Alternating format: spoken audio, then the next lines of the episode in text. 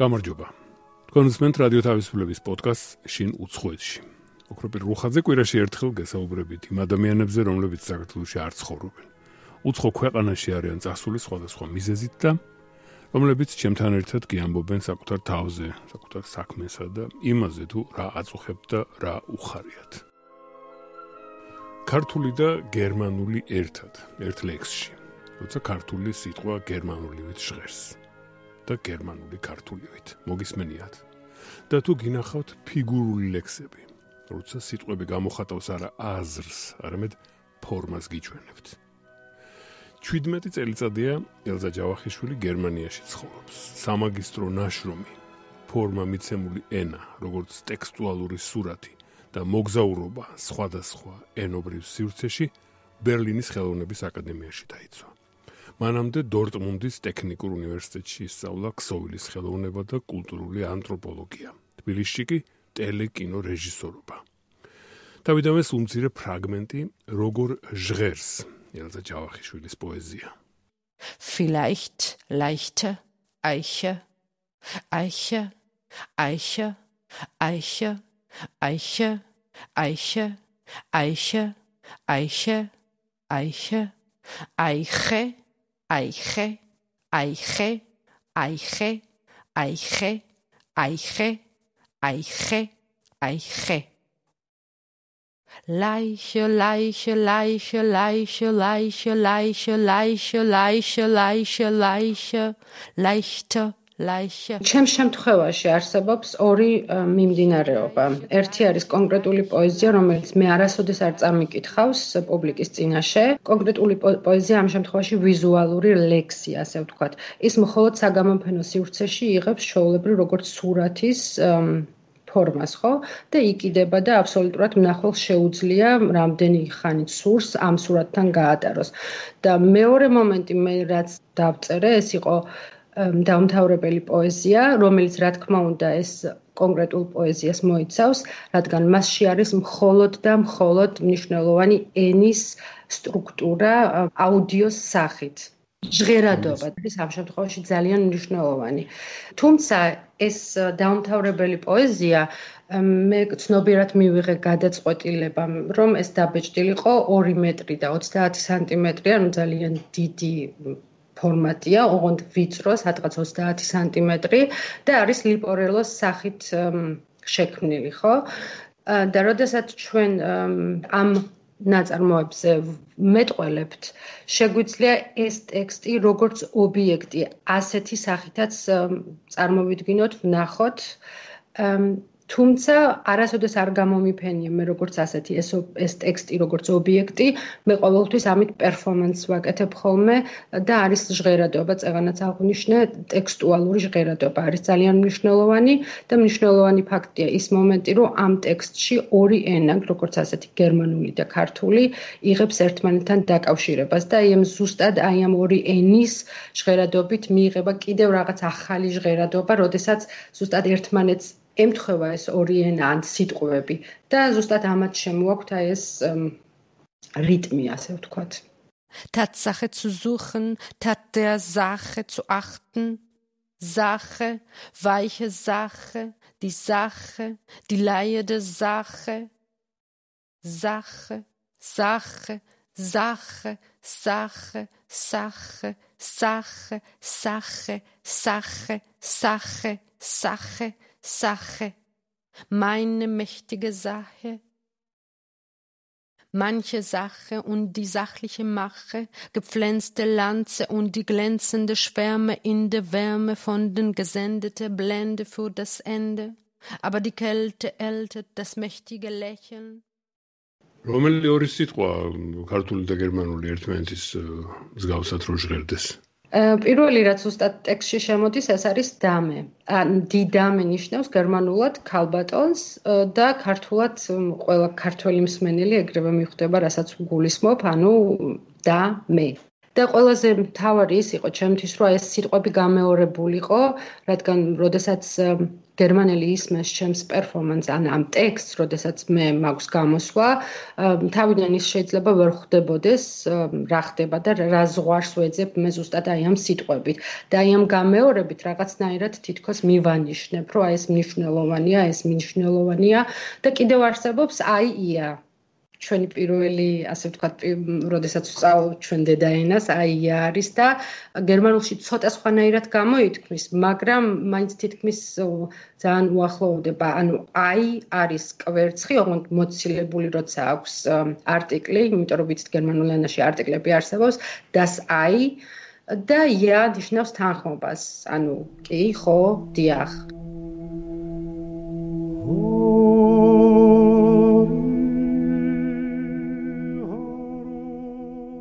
დაუნთავრებელი პოეზია. გერმანულად unvollendete poesie ჰქვია ელზა ჯავახიშვილის ქმნილებას.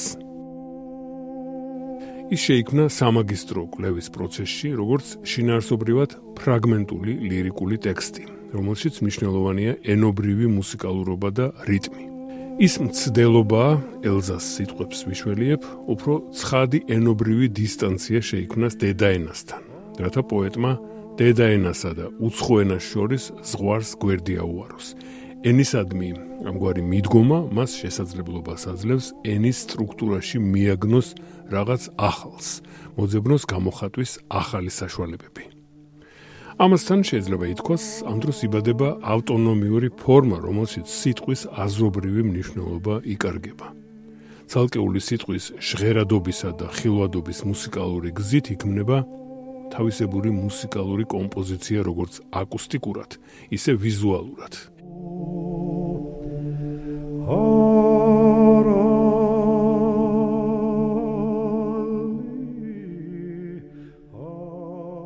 Weinende Frau verreist, die verreiste Zeit eilt, alte Maske atmet, dammt me, dammt me, dammt me, dammt me. dammt me, Damtme, damtme. Da me, da me, da me, da me, da me, da me. Damme, damme, damme, damme, damme, damme, damme, damme, damme, damme. Di damme, di damme, di damme, di damme, di damme, di damme, di damme, di damme, di damme. Nachträglich übernachtet die Nacht in acht Nächten. Die nächste erste Ängste. Ängste von Gästen, Die Gäste im Gästezimmer immer, immer, immer, immer, immer, immer, immer, immer. Das Trimmel des Wimmerns, wimmernde Stimme, leise Wimmern. Die erste Teste der gegessenen Resten von besten Fesseln. Fesseln mit dem Gemutigung und die gemütliche Begutigung. Die Begegnung mit dem genugten, bebenden Wunschen, bebende Erde das Ende des gesammelten Erbe derbe Erde. Gegrabene Raben, Dame, Dame, Dame, Dame, Dame, Dame. Das Ende des Weins, eins ins Ende, sein im Ganze und die Übergänge an die Grenze, übergehend geüber. Übel, übel, übel, übel, übel, übel, übel. Übelkeit teilt geteiltes Leid. Ei ihr, ei ihr, ei ihr, ei ihr, ei ihr, ei ihr, ei ihr. Ei ihr, das sei ja, das sei ja, das sei ja, das sei ja, das sei ja, das sei ja, ein Eia, ein Eia, ein Eia, ein Eia, ein Eia. მათთვის ხდება ეს ყველაფერი საინტერესო, ვინც ასევე იცის ეს ორი ენა თუ რამე სხვა ეს ახლა. წარმოგიდგენთ მე გერმანული თუ არ ვიცი თქვენ რომ ასეთი ტიპის პოეზიას შემოთავაზებთ. მე არც დამე ვიცი, არც კვერცხი ვიცი, არც ია ვიცი და არც რაფერი. მაშინ რა მომდის მე? თუ მათთვის აკეთებთ ვინც აი თქვენს ავით ახლა დიდია ეს არმია, ვინც ქართული და გერმანული იცის, მათთვის არის პოეზია. იცით რა, ამ ამასთან დაკავშირებით, ამ შეკითხვასთან დაკავშირებით მე მაქვს კონკრეტული გამოცდილება მიღებული. ეს იყო 2018 წელს, როდესაც მე დამპატიჟეს მილანში ერთ-ერთ საგამოფენო სივრცეში, სადაც მხოლოდ კეთდება და აქცენტია გაკეთებული ხელოვნება, ოღონდ აკუსტიკის ხელოვნება. და ჩემი ერთ-ერთი გამოსვლის დროს გერმანიაში მოისმინა სხვათა შორის ჩემი მეგობარია, რომელიც მუშაობდა მაშინ იქ მილანში და არ ქონდა საერთოდ არ იცოდა მე თუ ამ პოეზიას ვაკეთებდი ამ ამ კონკრეტულ პოეზიას და მითხრა რომ ეს აუცილებლად აგონში უნდა გაჟღერდეს და მე მაშინ ზუსტად იგივე კითხვა დაუსვი, რასაც თქვენ ბრძანებთ ბატონო ოკროპი.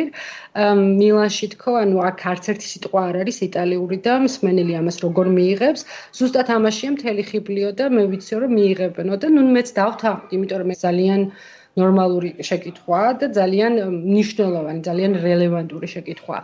თუმცა აი ამ გამოცდილების მერე მივხვდი, რომ იმ შემთხვევაში, როდესაც პერფორმანსია ეს ეს მოიაზრება ცალკე მხოლოდ ტექსტად ხო არის პერფორმანსია, იმიტომ რომ მე ვდგავარ, ჩემი პრეზენტი ყოველთვის ძალიან მნიშვნელოვანია ნებისმიერი პერფორმატიული აქტისთვის და არ მინდა ახლა რაღაც ისე გამომივიდეს, მაგრამ ძალიან კარგი ფიდბექი მოყვა ამ ყველაფერს და მახსოვს ერთი ქალი გამომელაპარაკა მეო შინაარსობრივად ვერაფერი ვერ გავიგე, მაგრამ ძალიან ბევრი რამე ვიგრძენიო და ეს იყო ძალიან ყველაზე ესეთი დიდი კომპლიმენტი, რაც შეიძლება მე მე მე მიმეღო იმ გამოსვლიდან.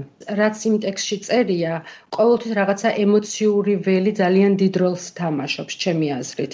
მე მიცდია რომ წაიკითხა ეს ტექსტი გერმანელ ადამიანს, რომელიც არის დაბადებული გერმანიაში, გაზრდილი და ეს მშობლიური ენაა მისთვის და აბსოლუტურად სხვანაირად კითხულობს და სხვანაირად აკეთებს აქცენტებს. ანუ იმ მუსიკალობას მე როდესაც პერფორმანსს ვატარებ, აბსოლუტურად სხვანაირად ჟღერს, ვიდრე ეს მე მოვისმინე გერმანელი გერმანელისგან წაკითხული, ანუ და აქედან გამომდინარე, მე ასე ვიტყოდი, რომ კი აქვს მნიშვნელობა, რომ იმ მომენტში მე ვკითხულობდი. იცან ანცილანდი შემჩნეული ლანდი, შერჩეული ლანდი, შენეული ლანდი, დაეული ლანდი, შენი ლანდი, მოძალადე ლანდი, მოციმციმე ლანდი, მოცეკვავე ლანდი, დაკლაკნილი ლანდი, გარეული ლანდი, შორეული ლანდი და შრიალი ლანდის.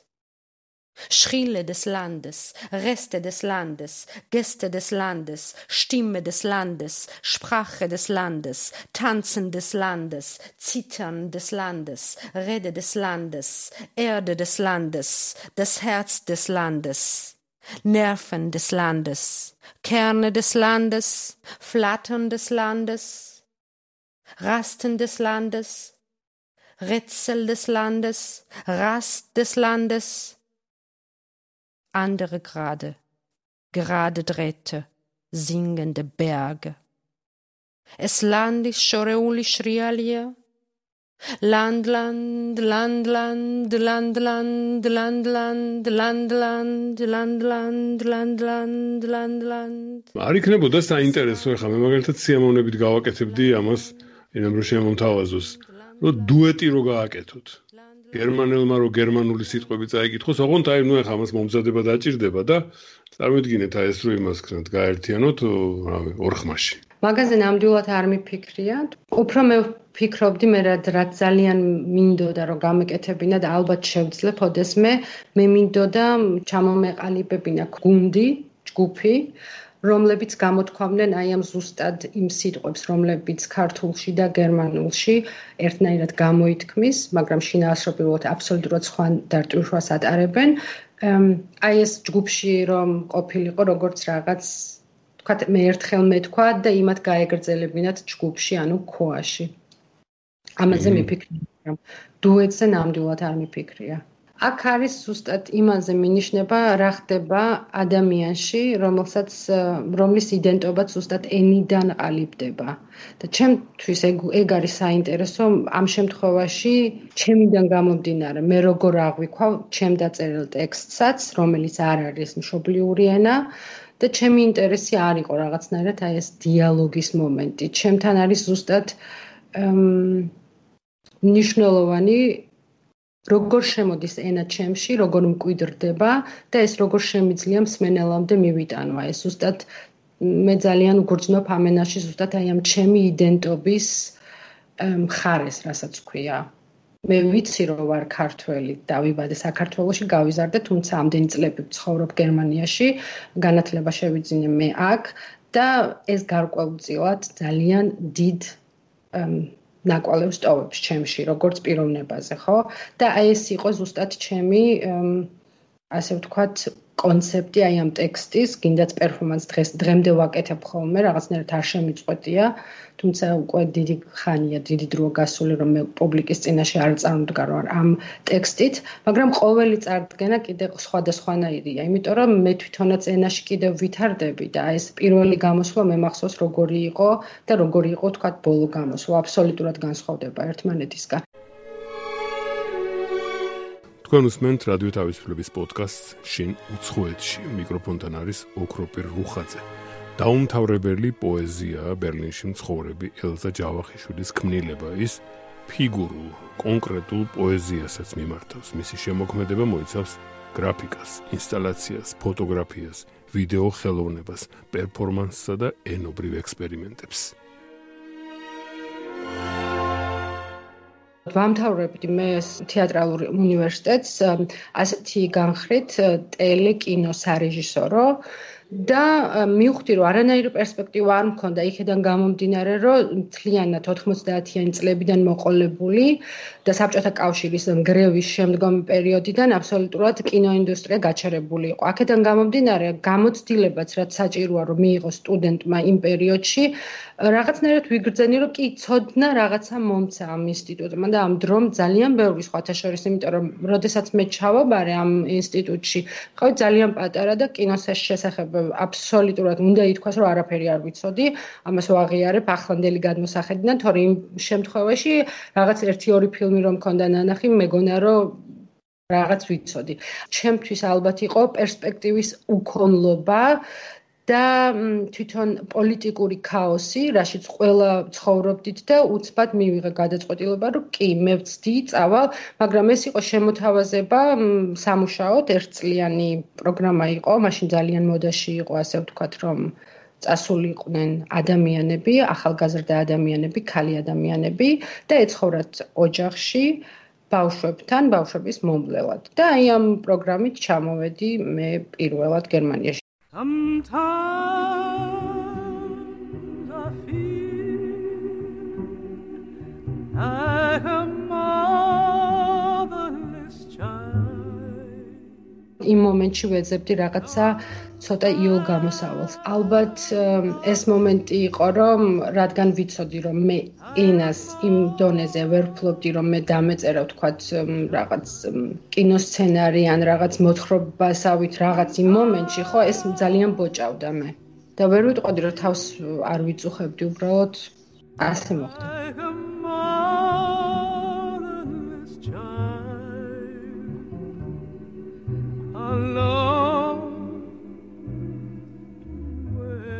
სანამ ქმედებამდე მივა ადამიანი, რა თქმა უნდა, არის ფიქრი და მე საერთოდ არ მიყვარს, როდესაც სტრუქტურულად მუშაობ. ეს ვერ ვისწავლე. ამ დროს გერმანია და გერმანელები საერთოდ ძალიან სტრუქტურირებული ადამიანები არიან და რაღაცნაირად წინასწარ აბსოლუტურად დაგეგმილი აქვს ყველაფერი. მე ამას ვერ შევეგუე, ეს ძალიან ბოჭავს და შეიძლება ვთქვათ, როდესაც დილათენდება და მე ის დღე მაქვს თავისუფალი, შეიძლება იმართლა ბოდიელში და ფიქრში გავატარო, ან და მე უცებ რაღაც ისეთი შეიქმნას, რომ მომწონებია და მithქვამს, რომ აი ეს ბოდიალი ღირდა. ანუ აი ჩემ თავს რაღაცა სივრცეებს რო უქმნი თვითონ აზროვნებაშიც, ან როდესაც არ მაქვს ოფიციალურად ასაც ასასვლელი ან რაღაც ყოველთვის როდესაც თავისუფლად ვგრძნობ, მაშინ ვქმნი რაღაცას. არ ვიცი ეს რას ვაკეთებ? ძალიან ბანალურად ვცხოვრობ, არაფერი განსაკუთრებული.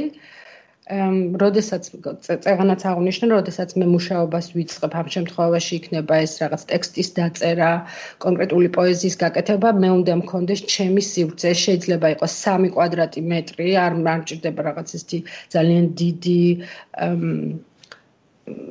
სტუდიო, ასე ასე ვთქვათ, არასოდეს არ მქონია, არ მქონია ეგ ფუფუნება, არ მივეკუთვნები მე იმ ხელოვანთა ჯგუფს, ვისაც ეს ფუფუნება აქვს.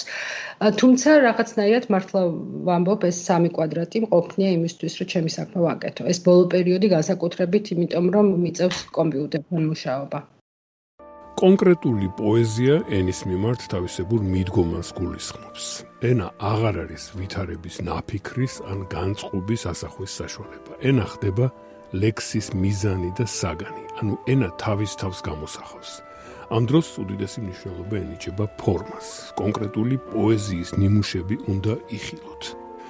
გერმანიაში, სადაც ელზა ჯავახიშვილი ცხოვრობს, კონკრეტული პოეზიის დამფუძნებელი манифესტის ავტორია ოიგენ გომრინგერი, ლამის 100 წელს მიტანებული პოეტი, ხელოვანი. ამ შემთხვევაში კონკრეტული იხმარება ამ სიტყვის თავდაპირველი მნიშვნელობით. ლათინურად ის ნიშნავს ჭიდროს, სიმჭიდროვეს. სხვა ენებში ამგვარ ლექსებს უწოდებენ ფიგურულ თუ გრაფიკულ ლექსებს. აქვე გეტყვით, რომ პოეზიის ეს ჟანრი ოდითგანვე არსებობდა, ანტიკურ სამყაროშიც კი. ამ პოეზიას ქმნიან სიტყვები, რომლებიც თითქოს ენას საგნობრიობას ანიჭებენ სურათების წარმოშობის პროცესში. სიტყვები ხდება საკომუნიკაციო მედიუმი სურათის სახით.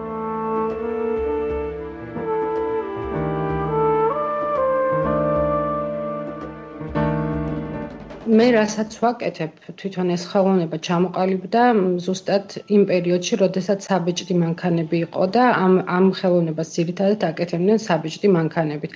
აქედან გამომდინარე, ზუსტად აი ეს არის, რომ ადამიანი როგორ ხდება ტექნიკაზე დამოკიდებული და ზუსტად ხელოვნებაც აი ეს არის, რომ ადრე თუ იყო მხოლოდ ფუნჯი და ფერები, მე რე იყო ფოტოგრაფია, მე რე შემოვიდა ვიდეო არტი, ასე შემდეგ, რაღაცნაირად ეს აისახება ყოველთვის ხელოვნებაში, ანუ როგორც ასეთი, რას იყენებს ხელოვანი მისი გამოხატვის საშუალებად. და ამ შემთხვევაში მე ფიქრობ, რომ ზუსტადაც კომპიუტერი ეს არის და იცით მე როდესაც ვაკეთებ ჩემს ნამუშევრებს, კომპიუტერი თითქმის არ იღებს მონაწილეობას ეს ფორმას თვითონ მე ვაძლევ მეხმარება რა თქმა უნდა ზუსტად გაზომოს თქვათ რაღაც გარკვეული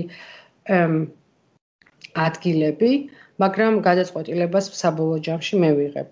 თქვენ ასევე მომწერეთ, რომ აი არსებობდა აღმოსავლეთ გერმანელი ქალი, რომელიც აი ამ პოეზიას მისდევდაო.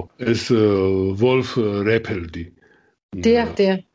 ეს ადამიანი რაღაც უცნაურია, როგორც მე წავიკითხე, თითქოს აი კომუნისტურ გერმანიაში ცხოვრობდა და იქ მისდევდა ამ პოეზიას, რა ცოტა ის უცნაური არ არის, რომ იქ იყო საშუალება, რომ ასეთი რამ ეკეთებინა თუ ამაში ხა არაფერი ისეთი არ არის, რა ქვია, როგორ ვთქვა, კაპიტალისტური და ამიტომ არც არავინ არ უშლიდა, როგორ იცით, ცნობილია თქვენთვის რამ მის შესახებ უფრო მეტი? იქიდან გამომდინარე რომ მე ამ ქალის ამ ხელოვანის შესახებ რამოდენიმე წლის წინ ან დაახლოებით 2 წელიდან ნახევარია რაც მე მისი სახელი და გვარი საერთოდ გავიგე.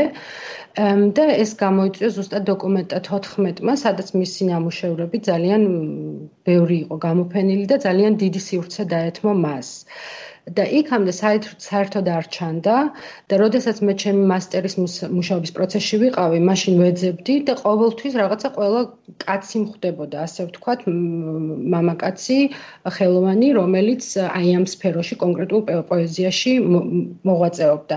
და მაინტერესებდა თუ ვინმე იყო სამწუხაროდ მაშინ მართლა ვერ შევძელი ვერავის ნახვა და იქიდან გამომდინარე რომ ეს იყო წლები 2016 რუთ ვოლფ რეფელდიც არ იყო იმ შემთხვევაში ევროპაში ცნობილი რა და ძალიან წირი ინფორმაცია არსებობს, ერთადერთი ის არსებობს, რომ ეხლა რაღაცნაირად ძალიან დაინტერესებულია ხელოვნების სტრუქტურა, სისტემა ამ ქალით და ძალიან ბევრ გამოფენებს უკეთებენ და ძალიან დიდი წარმატება ხდა ეხა 86 წლის ასაკშია და ძალიან მნიშვნელოვანია ეს რომ მოხდა უბრალოდ.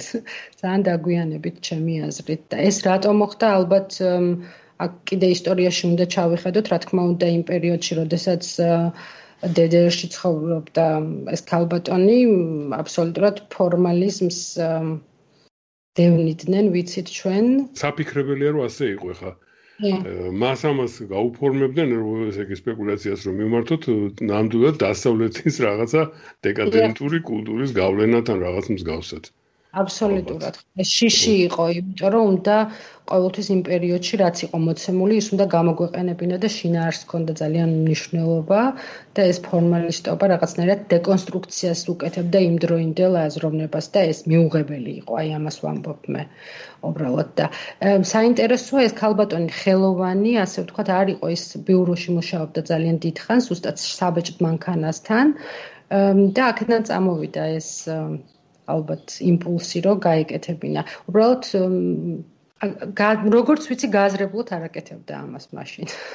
თამაშობდა, ასე ვთქვა, ეს ისთვის რაღაც არის. კი, კი. დაახლოებით 7 წელია მონუსხული ვარ კონკრეტული პოეზია. აქედან გამომდინარე, მთავარი მედიუმი ენა გახდა ჩემს შემოქმედებით სივრცესა და პროცესში. წერდა ელზა ჯავახიშვილი. თუმცა განაგრძობდა ის აქამდე დიდი გზა გამოიარა. ფილმი, ფოტოგრაფია, ვიდეოარტი, გრაფიკა და სივრცული თუ კედლის ინსტალაციის მცდელობები, აგრეთვე პერფორმანსი. სულ მედიუმის ძიებაშია და ბოლომდე არ აქვს ნაპოვნი, არც თავი და არც მედიუმი. მომავალში შეიძლება ეს იყოს ცეკვა, გამომიცხადა ელზა ჯავახიშვილმა.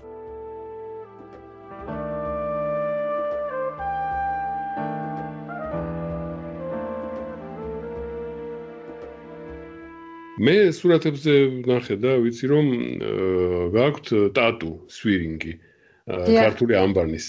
და გეკითხებიან ხოლმე რა არის ეს რა ნიშნები გაქვთ და საერთოდ აი რა რისთვის გაიკეთეთ ეს რაღაცა გინდათ რომ უთხრათ საზოგადოებას.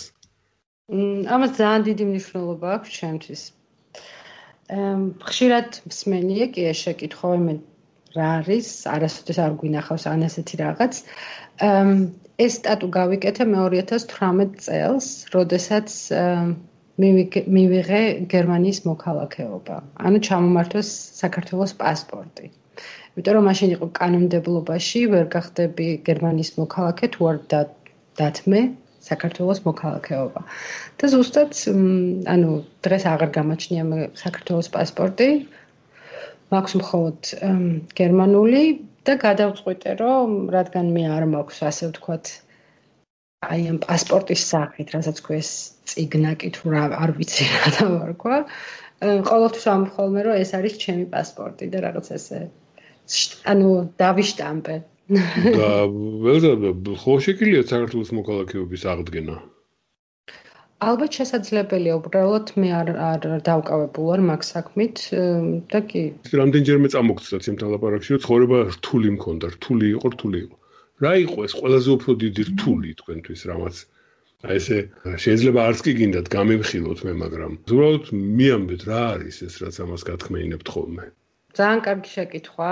ალბათ ყველა ადამიანს უჩნდება ზუსტად ის შეგრძნება, როდესაც თავის ქვეყნიდან, რომელსაც ძალიან კარგად იცნობს და ტოვებს და აგრძელებს სხვა სოციუმში, სხვა ქვეყანაში ცხოვრებას, აი ეს განცდა ზუსტად უცხოს განცდა, ეს ძალიან მნიშვნელოვანია, რაც მე ხშირად მქონია. დღემდე მაქვს თუმცა ვარ ძალიან ბედნიერი ადამიანი რომ მე მყავს ძალიან კარგი მეგობრები ვისთანაც შემიძლია დაცლა ლაპარაკი ეს იქნება გერმანელი მეგობრები ქართველი მეგობრები და ასე შემდეგ. ნუ ამაში მართლა გამიმართლა და მყავს სოციუმი. თუმცა აი ეს რაღაცნაირად თითქოს აი სულისათი შეგრძნება მაქვს არ არსებობს დრო არ არსებობს ალბათ პერიოდი როდესაც მე ბოლომდე შემეძლება იმის თქმა რომ აი მე ვარ ახლა იმ სიტუაციაში, სადაც მე აღარ ვარ უცხოელი. მე ყოველთვის დავრჩები უცხოელი და მეორე მომენტია, როდესაც მე უკან ბრუნდები საქართველოში და აი ამ ხნის განმავლობაში, 17 წლის განმავლობაში, როდესაც უკან ბრუნდები ხოლმე, დაახლოებით ყველაზე მეტი 5 კვირა მიწევს გაჩერება, მეტი უბრალოდ შეუძლებელი, იმიტომ რომ აქ სამსახური, საქმე რაღაცნაირად ვერ მიატოვებ, უფრო მეტი, თორე სრული შეიძლება მაქვს. და უკან როცა ბრუნდები, ყველაზე ცუდი განცდა ალბათ ის არის, როდესაც ყველაზე შენს ახლოს, შენს ანუ ოჯახთანაც და რაღაცა უფრო უცხო ხარ და თითქოს რაღაცა საერთო ენას ვეღარ ლაპარ, ანუ ვეღარ ახერხებ. აი ეს ეს არის სირთულე, რაც მე თითქოს სამყაროსთან სილაღეს მიშლის ან და რაღაცნაირად მასევდიანებ შეიძლება, იმიტომ რომ ადამიანს ყოველთვის აქვს იმის განცდა და სურვილი ძალიან დიდი რომ მას გაუგონ უბრალოდ მოусმინონ. კი შეიძლება მე მისმენენ, მაგრამ აი ეს უცხოს განცდა რაღაცნაირად ზურგით რო დაგავს. თითქოს ეს რაღაცნაირად ხო რთულია ჩემთვის მე რაღაცნაირად ჯერჯერობით აღო ვერაუღე და აი ამ უცხოში ვცხოვრობ.